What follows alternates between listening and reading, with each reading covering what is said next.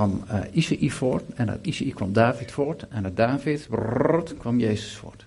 Dus hier zie je dus, als er, als er een mens is die zich wil verbinden met wat God doet, dat God dat mensenleven pakt en zegent. Nou, wie wil hier vandaag een zegen ontvangen? Goed zo. Nou, gaan we even lezen hoe dat moet. Uh, Genesis 12, als dat uh, op wat gigantisch grote scherm daar kan komen. Ga ik even achterom. Oh, wauw, kijk eens eventjes. Oh. Nou, we gaan maar even bovenaan beginnen met lezen dan, hè. De Heer nu zei tot Abraham, ga uit uw land en uit de maagschap en uit de vaders huis naar het land dat ik u wijzen zal. Ik zal u tot een groot volk maken en u zegenen en uw naam groot maken en gij zult tot een zegen zijn. Nou oké, laat maar even staan hoor dit. Ik ga zo meteen verder lezen. We, moeten even iets snappen wanneer we Genesis lezen met elkaar. Wanneer Paulus zegt, wil jij een volwassen christen worden?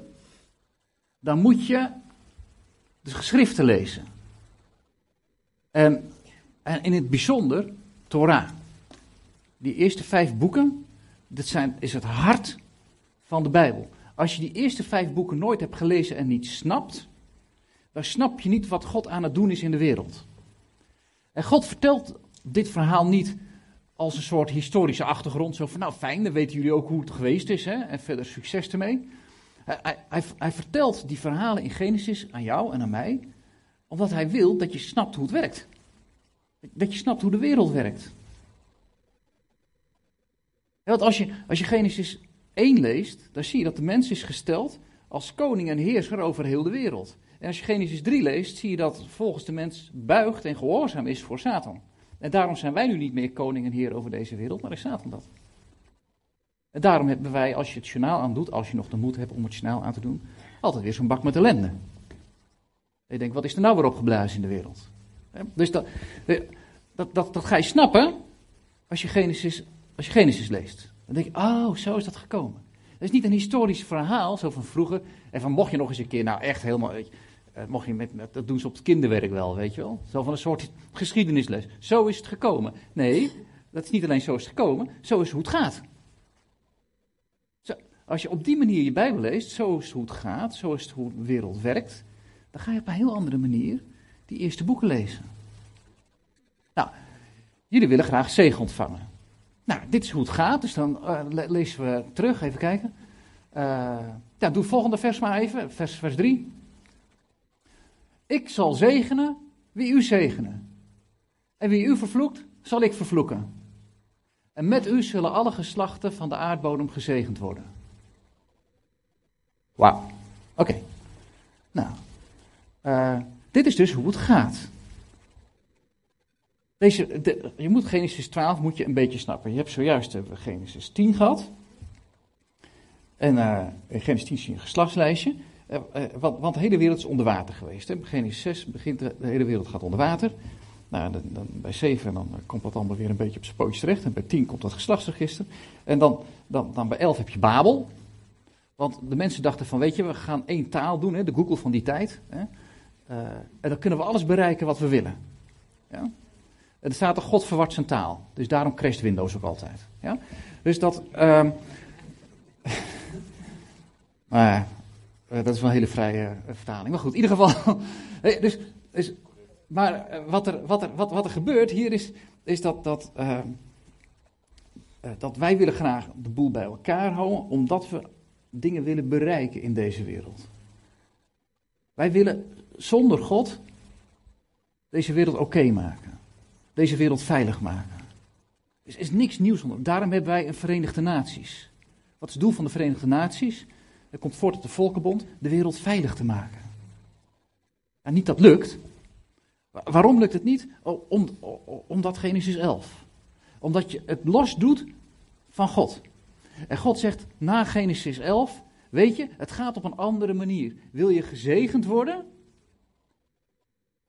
En wil en moet, gaat er vrede in deze wereld komen, dan gaat dat door de man die ik uitkies. Nou, en dat was geen Chinees. En dat was ook geen Batavier. Het was ook geen Zutphenaar. Ik weet niet of Zutphen die tijd al bewoond was eigenlijk. Dat is Abraham. En Abraham krijgt die belofte van God. Ik zal zegenen wie jou zegent. Nou, als je iets weet van je geschiedenisboekje. Eh, ieder land dat het nageslacht van Abraham heeft gezegend, is gezegend. Ik zal je vertellen hoe dat werkt. Bijvoorbeeld, in, uh, de, in, in, in de 16e, 17e eeuw nam Nederland Joodse mensen op. Die werden in de rest van Europa vervolgd. En weet je wat we toen hadden? Dat, dat, dat, daar verwijzen wij nu naar als de Gouden Eeuw. In, in die tijd was Nederland heerser over de wereld.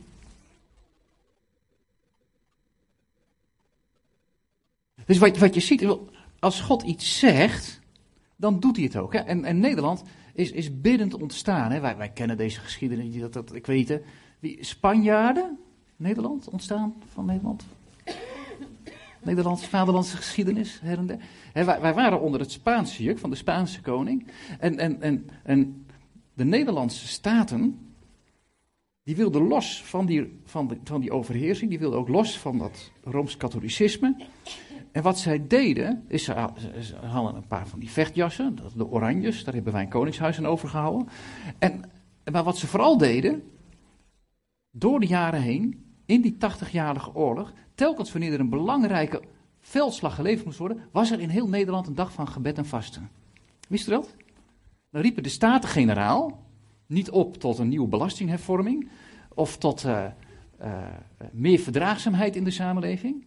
Maar ze riepen op tot gebed en vasten. En op die manier is Nederland gemaakt.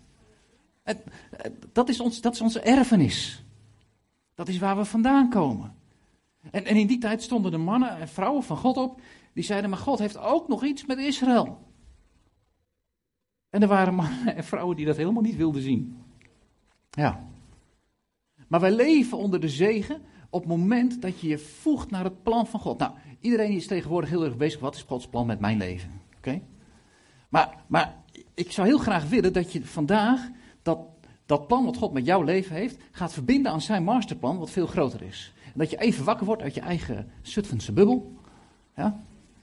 Zegt, oké, er is, is iets meer aan de hand. Er is iets meer aan de hand. Wat, kijk, wij willen graag dat Zutphen de Heer Jezus dit kennen, toch? Willen we? Ja, dat willen we. En, en dat betekent eigenlijk dat wij onder, onder de zegen van God moeten zijn. Anders gaat het niet werken. Ja. Want, nou goed, we zitten hier met een man of. Uh, wat is het? 250? Of zo? 200? 200, ja. Nou ja, hoeveel mensen wonen er in Zutphen? Wie weet hoeveel mensen er in Zutphen wonen? 35.000. Nou, we zijn er nog niet helemaal. Nou zijn er wel meer kerken, oké, maar toch. Ik kom uit Lelystad, 70.000 inwoners, gaan er 4.000 naar de kerk. Ja? Um, dus wat we nodig hebben in Nederland is dat de kerk weer onder de zegen van God komt. Maar dan moeten wij dus op de plek gaan staan waar God ons kan zegenen.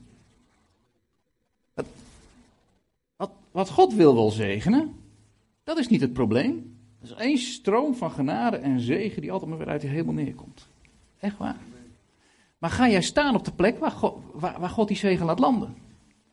En hier uh, lezen we uh, waar God die zegen laat landen. Ik zal zegenen wie u zegenen en ik vloek wie u zal vervloeken.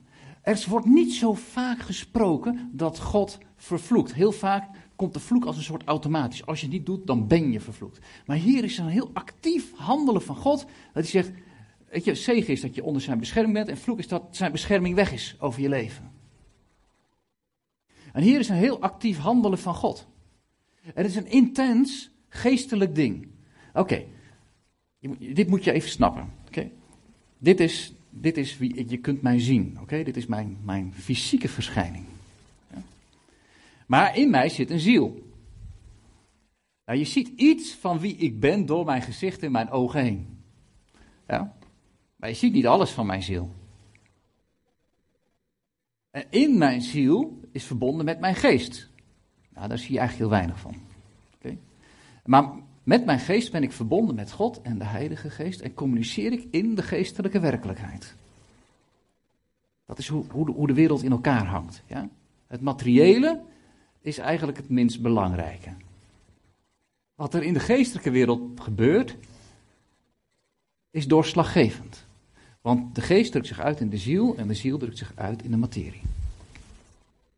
Zo heeft God ons gemaakt. Hij maakte een hoopje uh, stof. Ja? Hij blies levensgeest in ons. Ja? Adem, geest in ons. En zo werden we een levende ziel. Zo, zo, zo zijn we gemaakt. Ja. Dus je bent gemaakt om in relatie met God te zijn. Je bent gemaakt om onder zijn zegen te zijn. Je bent gemaakt om verbonden te zijn met hem in de hemelse gewesten.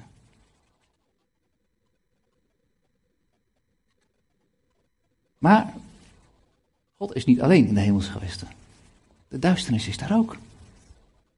En de duisternis wil niet dat jij leeft onder de zegen van God.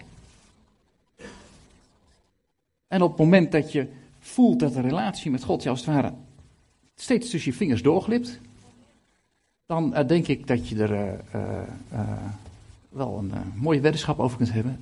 Dat je weet, oké, er zijn andere machten, krachten bezig mijn relatie met God te verstoren. Wie herkent dat wel eens, dat dat gebeurt? Ja, we herkennen dat wel. En, en, en, dan, en dan moet je terug zeggen, Heere God, wat is er gebeurd, wat maakt dat ik niet voor uw aangezicht kan staan? Dus dan ben je in de kerk en dan zie je aanbiddingsteam helemaal halleluja. En je denkt, haha, ik sta hier nog. Herkenbaar? Ja? En, en dat ze... En natuurlijk, weet je, het kan ook zijn dat je gewoon slecht geslapen hebt. Hè? Dus dat, dan denk ik, nou oké, ga lekker slapen en dan de volgende keer gaat het beter. Hè? Maar uh, 9 van de 10 keer is er ook een geestelijke dynamiek daar aan het werk. En dat heeft te maken met zegen en vloek. Nou, wat er, wat er gebeurt is wanneer een land Israël vervloekt, dan komt het land onder de vloek. Op het moment dat een land Israël bedreigt, God zegt over Israël, dan raak je mijn oogappel aan. Dat is zijn goddelijke orde. Hij zegt dat niet van China, hij zegt het niet van Nederland, hij zegt het niet van een ander land. Hij zegt het voor Israël. Waarom zegt hij het over Israël? Ik weet niet. God is God, hij mag dat kiezen, toch? Ja, ik had graag gewild dat hij, dat Batavieren had uitgekozen. Dat, dat, ja. Alhoewel voor de mannen. Maar goed, weet je, uh, dat heeft hij dus niet gedaan. Uh, hij heeft het. Hij heeft voor Israël gekozen. Als hij voor Israël kiest, dan denk ik, dan ga ik maar achter hem aan. Denkt u ook niet? Want Jezus, toen hij geboren werd hier op aarde, wat zei de engel tegen Maria? Uw zoon zal Jezus heten. En, en ik zou dan denken, dan gaat die aankondiging van de engel aan Maria verder met, en hij gaat de wereld verlossen van zijn zonde. En ook de mensen in Zutphen, denk erom. Maar dat zegt de engel niet. Hij zegt, hij zal koning zijn op de troon van zijn vader David. Dus wij zeggen, Jezus, u bent heer. En wie kent het liedje? Wie is de koning van de jungle? Oeh, oeh. Ja, dat is flauwekul. Hij is namelijk de koning van Israël. Ja. Is, zo, zo, is hij geboren. Dat is het eerste wat de engel over hem zegt. Hoe, verdwaasd zijn we geweest dat we het niet meer hebben gezien? Dat we gedacht, nou ja, goed, dat is Israël. Dat zal nog wel. Nee, dat gaat over het hier en nu. Hij is de koning van Israël. En hij wacht tot hij terugkomt in Jeruzalem. Totdat zijn volk hem weer wil aanvaarden als Messias. Eerder komt hij ook niet terug, hè? Lezen, Handelingen 3. Dat is wat Petrus zegt. Hè? Petrus zegt tegen die beste mensen: Beste mensen, als jullie nu Jezus aannemen als Messias, dan komt die parkerende post terug. Moet je maar eens teruglezen. Handelingen 3. Dat is een leuk hoofdstuk. In de Israël-agenda wordt daar niet zoveel over gepreekt. Want ja, Petrus, weet je wel, is niet echt de theoloog van het stel. Maar hij had het wel goed gesnopen. Ja, ja Petrus was een, een beetje Jan Boer theoloog, hè. Dus die, die, die, die doet dat uh, niet heel ingewikkeld. Paulus schrijft er heel ingewikkeld over. Zometeen nog een stukje Paulus lezen, denk ik. Ja. He, Paulus schrijft allemaal woorden erover en dit en dat, zus en zo. Maar Peter zegt heel simpel. Wanneer de uitstorting van de Heilige Geest er is, handelingen 2, je moet maar eens lezen, zegt hij. Weet je, zegt hij, dat is voor u en voor uw kinderen. Zegt hij tegen de Joodse mensen daar. En zegt, ja, er zijn ook andere mensen, gaan ook geroepen worden. Hij had gesnopen wat Jezus zei over de rest van de wereld. Maar zegt, maar in de eerste plaats is het voor u en voor uw kinderen. En er komt een tijd van verlichting over deze wereld en over Israël op het moment dat zij Jezus aannemen.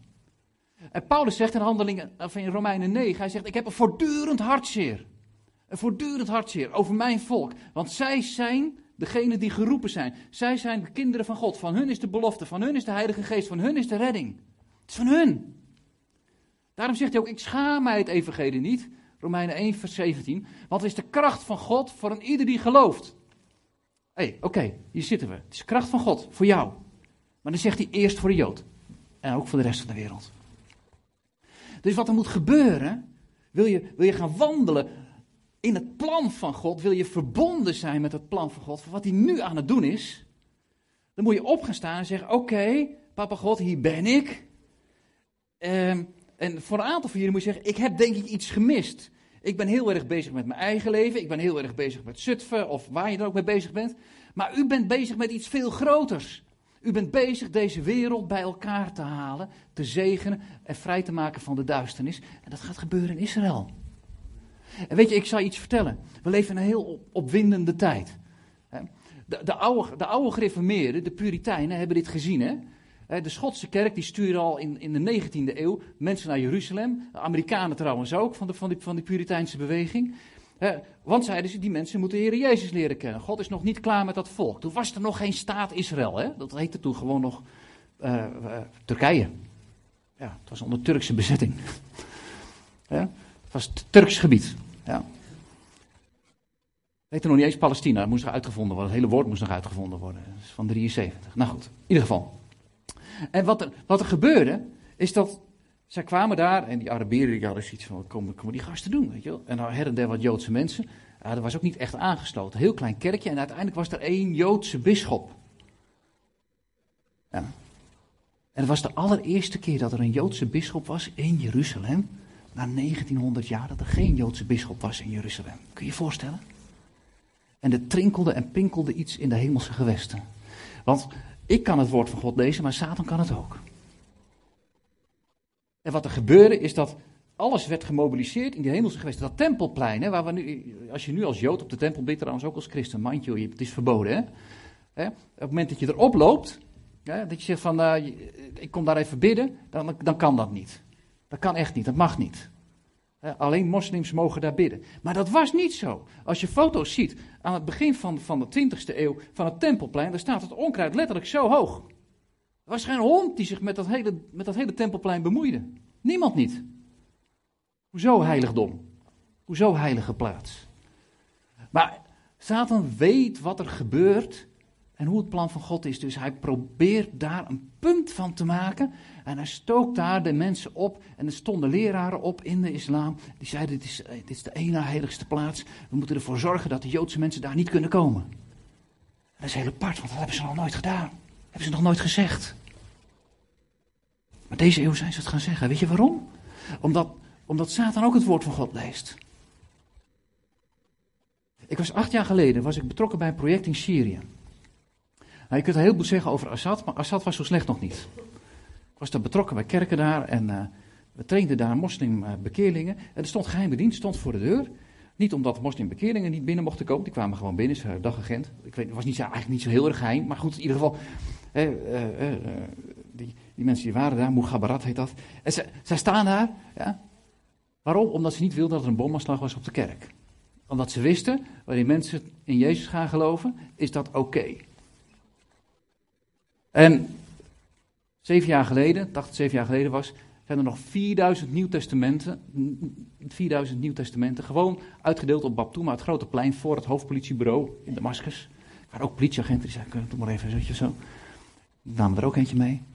En, en er begon een krachtige beweging van God te komen. In Syrië. En hetzelfde in Egypte. Steeds meer moslims kwamen tot geloof. En toen kwam er iets wat wij hier in het Westen in onze verdwaasdheid bejubeld hebben als Arabische lente. En dat was het meest stomme wat er kon gebeuren. Dat was een meesterzet van de duisternis. Want binnen de kortste keren kaapten de moslimfundamentalisten die hele zogenaamde vrijheidsbeweging. Want alles wat los van God gaat, loopt altijd weer in de soep, hè?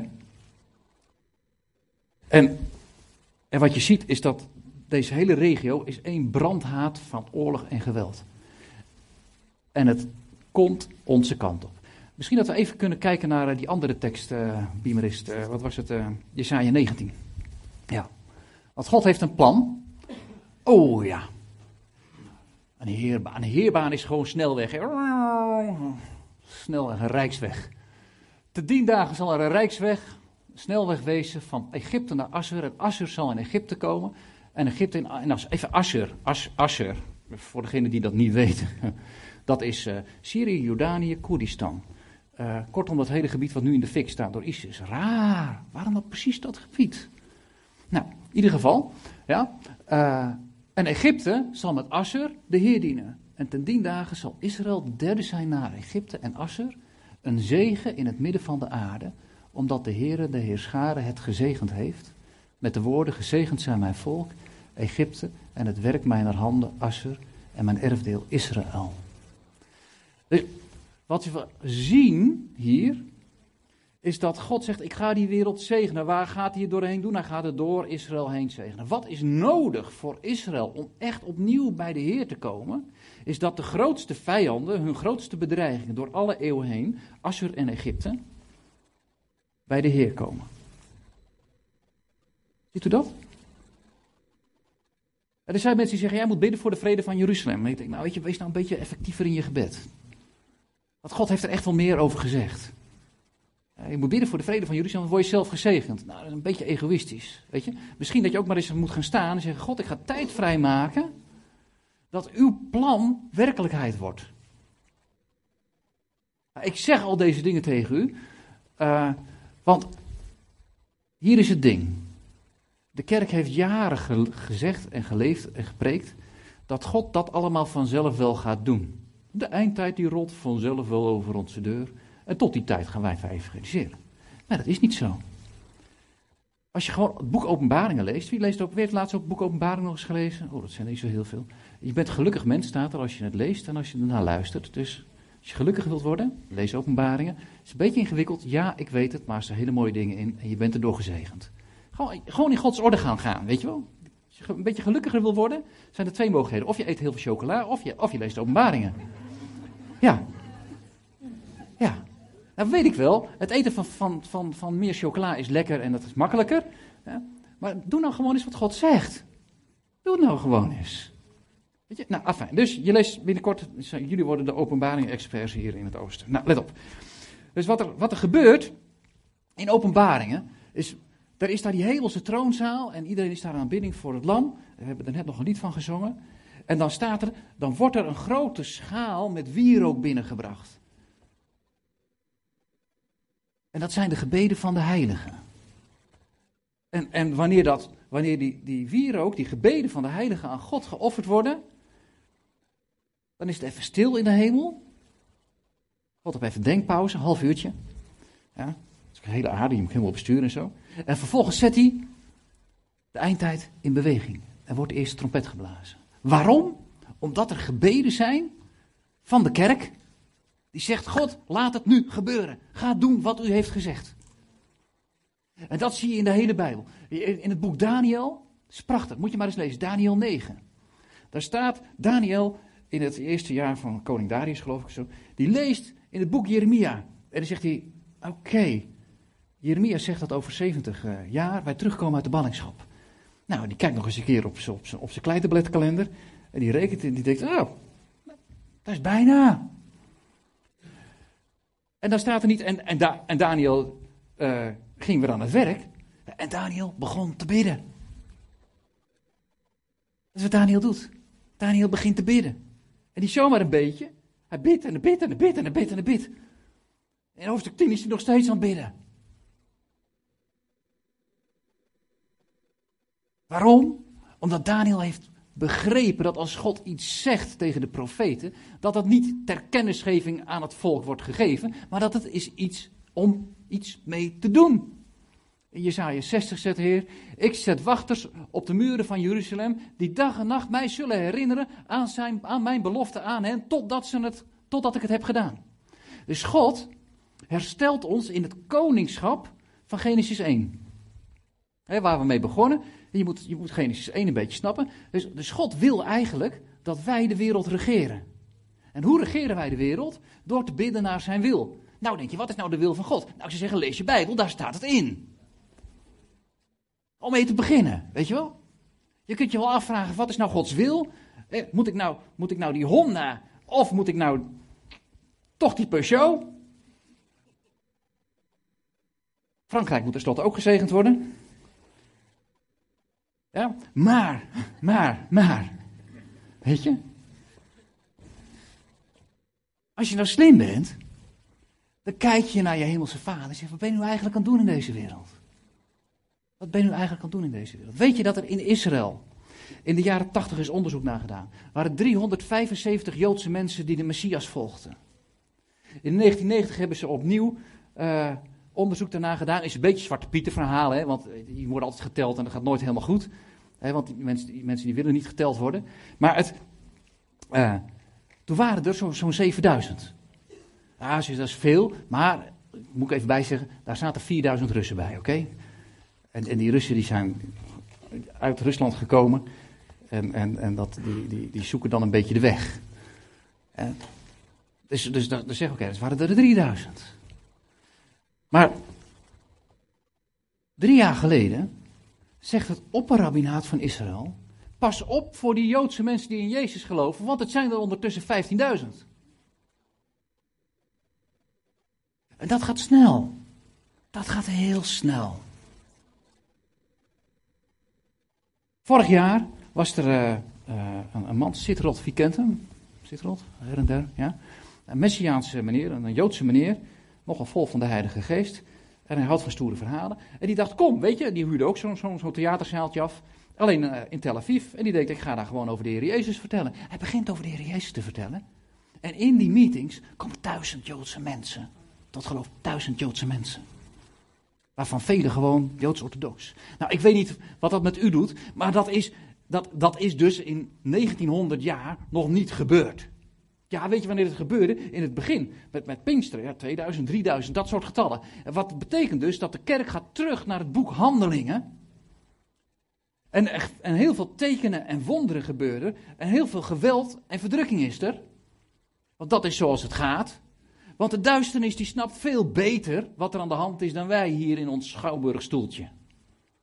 De duisternis die snapt het veel beter en die zet alles op alles om jou weg te houden van waarvoor je bedoeld bent met Christus te heersen in de hemelse gewesten en te bidden naar de wil van God, zodat de wil van God op aarde gebeurt. Daarom zegt Jezus, als je bidt, zeg dan, onze Vader in de hemelsheid, uw naam wordt geheiligd, uw koninkrijk moet komen, uw wil moet geschieden, gelijk in de hemel zoals op de aarde. Wat is de wil van God? Het staat in het woord. Lees het. En doe het. En als je zegt, oké, okay, God, u zegt dus dat u Israël eh, gaat terugbrengen uit de ballingschap, terug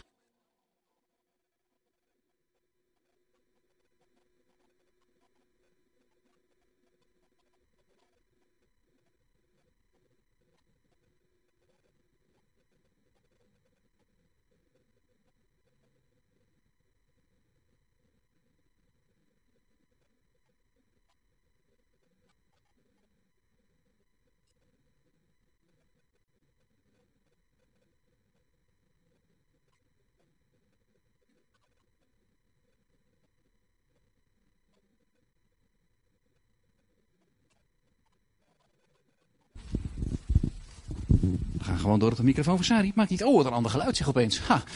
Hey, maar zodra je dus dat gaat doen, hè, zodra je gaat zeggen, oké, God, hier is, uw, hier, is uw, hier is uw plan, hier is uw werkelijkheid, hier is uw aanwezigheid. Ik wil dat u het gaat doen. Heer, ik wil dat u komt met kracht, dat u komt met gerechtigheid, dat u Israël bij Jezus gaat brengen, dat u Assur, dat daar het evangelie gaat gebeuren, dat in Egypte mensen tot geloof gaan komen. Wilt u het gaan doen? Dan gebeurt het ook. Werkelijk, dan gebeurt het ook. Ja. Maar God wacht totdat de kerk bidt. God wacht totdat de kerk bidt. En als jij bekrachtigd wilt worden met de Heilige Geest, dan moet je gaan staan op de plek die God voor jou heeft. Jij bent een koninklijke ambassadeur en God wacht totdat jij bidt. En als je bidt naar zijn wil, dan gaat het gebeuren. Echt waar. Dan gaat het gebeuren. Als je bidt naar zijn wil, gaat het gebeuren. Generatie na generatie na generatie zoekt God mensen die bidden naar zijn wil. Dat is wat hij zoekt. Dat is het enige wat hij zoekt. En God wil twee dingen. God wil dat ieder mens in Israël verbonden wordt met Hem. En Hij wil heel deze wereld door Israël heen zegenen. En door Israël heen ieder mensenkind verbinden met Hem. Dat is zijn plan en dat is zijn volgorde. Dus als je wil dat Zutphen wordt gezegend, zegt je Heere God, we gaan staan op de plek die u voor ons heeft en we zegenen uw volk Israël. Op dit moment. We zegenen uw volk Israël. En we bidden dat de kracht van de Heilige Geest komt in Israël. En God kijkt naar beneden en zegt: Ik zal zegenen wie jou zegenen. En dan ben je dus in een positie om God, tegen God te zeggen: God, wij willen een grotere zegen van u, want we willen Zutphen bereiken met het Evangelie. En ja, zegt God, dat is ook de goede volgorde. Zo gaan we het doen. En dan komt de kracht van omhoog. Het is zo simpel. Maar je moet het even weten. Hè? Ja, je moet het even weten. En dan moet je het gaan doen. En dan zit er nog een ander dingetje. Dan moet je misschien ook schuld beleiden. Voor wanneer jij en jouw voorouders het volk van Israël vervloekt hebben. En daar zijn we hier in het oosten best wel een beetje handig in geweest. Zo door de eeuwen heen. Dat is iets om te beleiden. Zeg, Heere God, we beleiden dat met elkaar. Vergeef ons. Reinig ons. Neem de vloek van ons af. Maak ons vrij in de hemelse gewesten. Want op het moment dat wij ons vernederen voor God, dan kunnen we weerstand bieden aan de boze. En hij zal van je vluchten. We draaien het vaak om, hè? We zien een duivel, denken, oh, daar gaan we mee vechten. Nee. Op het moment dat ik merk dat de boze in mijn nek zit, op een gemeente zit, op een stad zit, dan kniel ik neer en dan begin ik schuld te beleiden voor God. Ik zeg, Heer, ik weet niet hoe het gekomen is. En soms weet ik het wel. Dan zijn het mijn eigen zonde. En soms zijn dingen vanuit het voorgeslacht. En soms zijn dingen vanuit de stad of generatie. Ik zeg, Heer, we beleiden die zonde. En we brengen het onder het bloed van de Heer Jezus. En dan wordt de schuld weggedaan. Zo werken die dingen. Dat gaat zo voor je persoonlijk leven, maar het gaat ook voor ons als, als gemeenschap. Voor de kerk als geheel.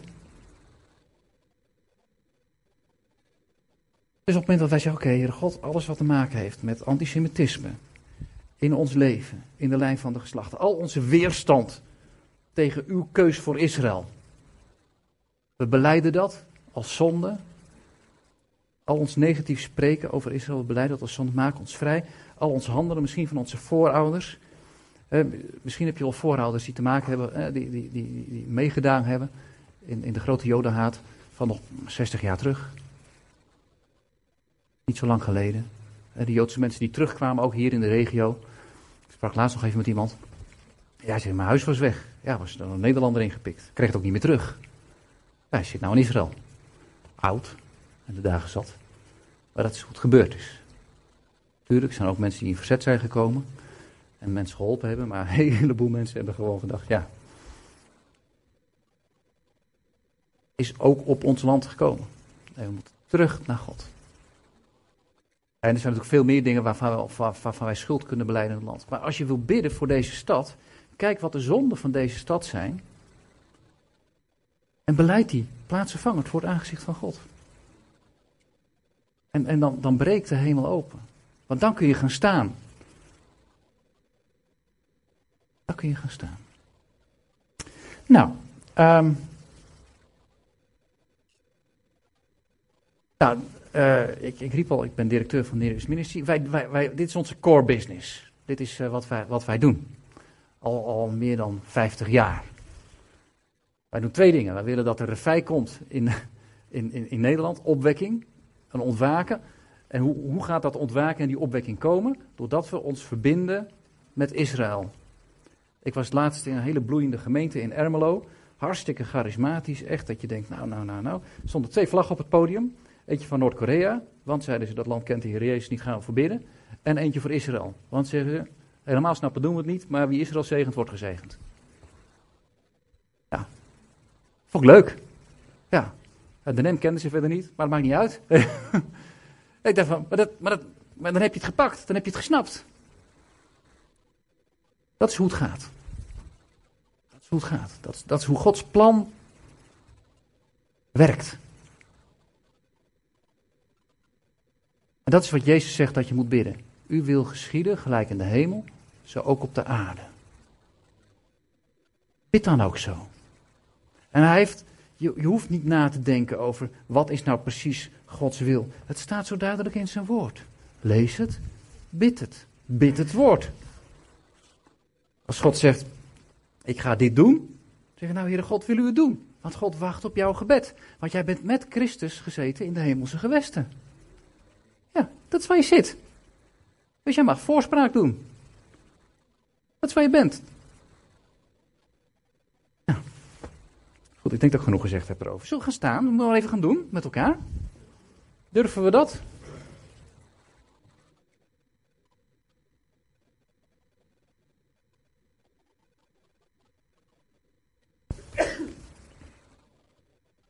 Nou, als je wil, kun je, dat, kun je, kun je dit, uh, kun je dit, uh, uh, kun je dit mij nabidden. Dat is geen verplichting, ja? maar ik stel voor dat we het op de volgende manier gaan doen. Laten we eerst maar eens zeggen, oké, heer, Vader in de hemel, vergeef ons dat we uw volk niet gezegend hebben. En wanneer ik of mijn voorvaderen uw volk vervloekt en vervolgd hebben, bid ik dat u dat vergeeft. Dat is het eerste wat we moeten doen, denk ik. Ja? En daarna gaan we Israël zegenen en gaan we.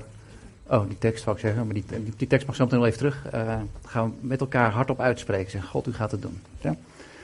Um, zullen we daar eerst maar eens mee beginnen? Vader in de hemel, wij beleiden dat we niet voor uw volk Israël hebben gebeden.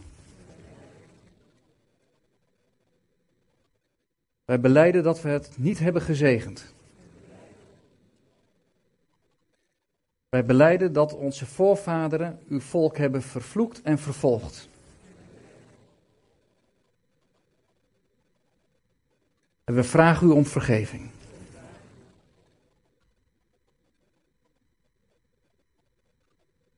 Wilt u de vloek over ons breken? En nu willen we gaan doen wat u zegt. Wij zegenen uw volk Israël. Waai met uw Heilige Geest over Israël. Breng de nakomelingen van Abraham bij uw hart. Wij bidden voor alle volken van Asher. Laat hen Jezus zien. Wij bidden voor Egypte. Laat hen Jezus zien. We bidden dat u uw plan uitvoert. Dat uw koninkrijk komt. Dat uw wil gebeurt. Zoals u dat in de hemel heeft bedacht. Dat u het gaat doen op aarde. Oké. Waar is uh, die tekst? We gaan dit uitspreken en we gaan proclameren, hardop, tegen elkaar zeggen en tegen God zeggen dat hij het gaat doen. Ja? Ten dien dagen zal er een heerbaan wezen van Egypte naar Asser. En Asser zal in Egypte komen en Egypte in Asser. En Egypte zal met Asser de Heer dienen. Ten dien dagen zal Israël de derde zijn na Egypte en Asser. Een zegen in het midden der aarde omdat de Heere der Heerscharen het gezegend heeft met de woorden: Gezegend zijn mijn volk Egypte en het werk mijn van handen Asser en mijn erfdeel Israël. God gaat het doen. Ja, amen. Jee. Ja, dat mag wel.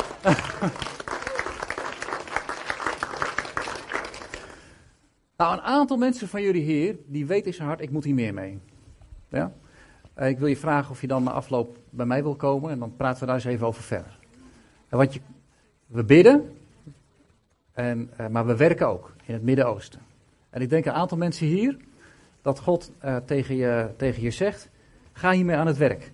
Want we hebben niet alleen mensen hier in Zutphen nodig die ervoor bidden, maar gewoon mensen op de vloer nodig. In uh, deze ingewikkelde gebieden, in Israël en in Egypte en in Asher, die de handen en de voeten van de Heer Jezus zijn en, dit, en deze volken voorbereiden om de Messias te, te ontmoeten. Maar dat, zijn, dat, zijn, dat, is niet, dat is niet voor iedereen. Die mensen zijn geroepen. En je weet dat het in je hart is. Ja? Oké. En het tweede is dat ik denk van, joh, weet je, op het moment dat je zegt van, ik wil opnieuw mijzelf toewijden aan de plannen van God, wereldwijd en in Zutphen, dat je hier komt en zegt, ik wil erbij zijn. Ik ga staan in het brandpunt van Gods wil. Ik wil opnieuw gedoopt worden met de Heilige Geest. Voorbedenteams zijn hier. Uh, en dan gaan we voor je bidden. Dan gaan we bidden dat de kracht van God opnieuw over je komt. En uh, het is niet een tijd ja, misschien moet je ook wel zonde beleiden dan. Maar het is niet een tijd voor, voor allemaal van, oh ja, joh, ik heb, uh, nou, dit is mijn probleem, dat is mijn probleem, dit is mijn probleem, dat is mijn probleem. Als je wilt leven onder de zegen van God, ga staan op de plek waar God je zegent. Dat is hoe het werkt. Gewoon in Gods orde gaan lopen, dat loopt het beste. Oké, ik ga jullie de zegen meegeven.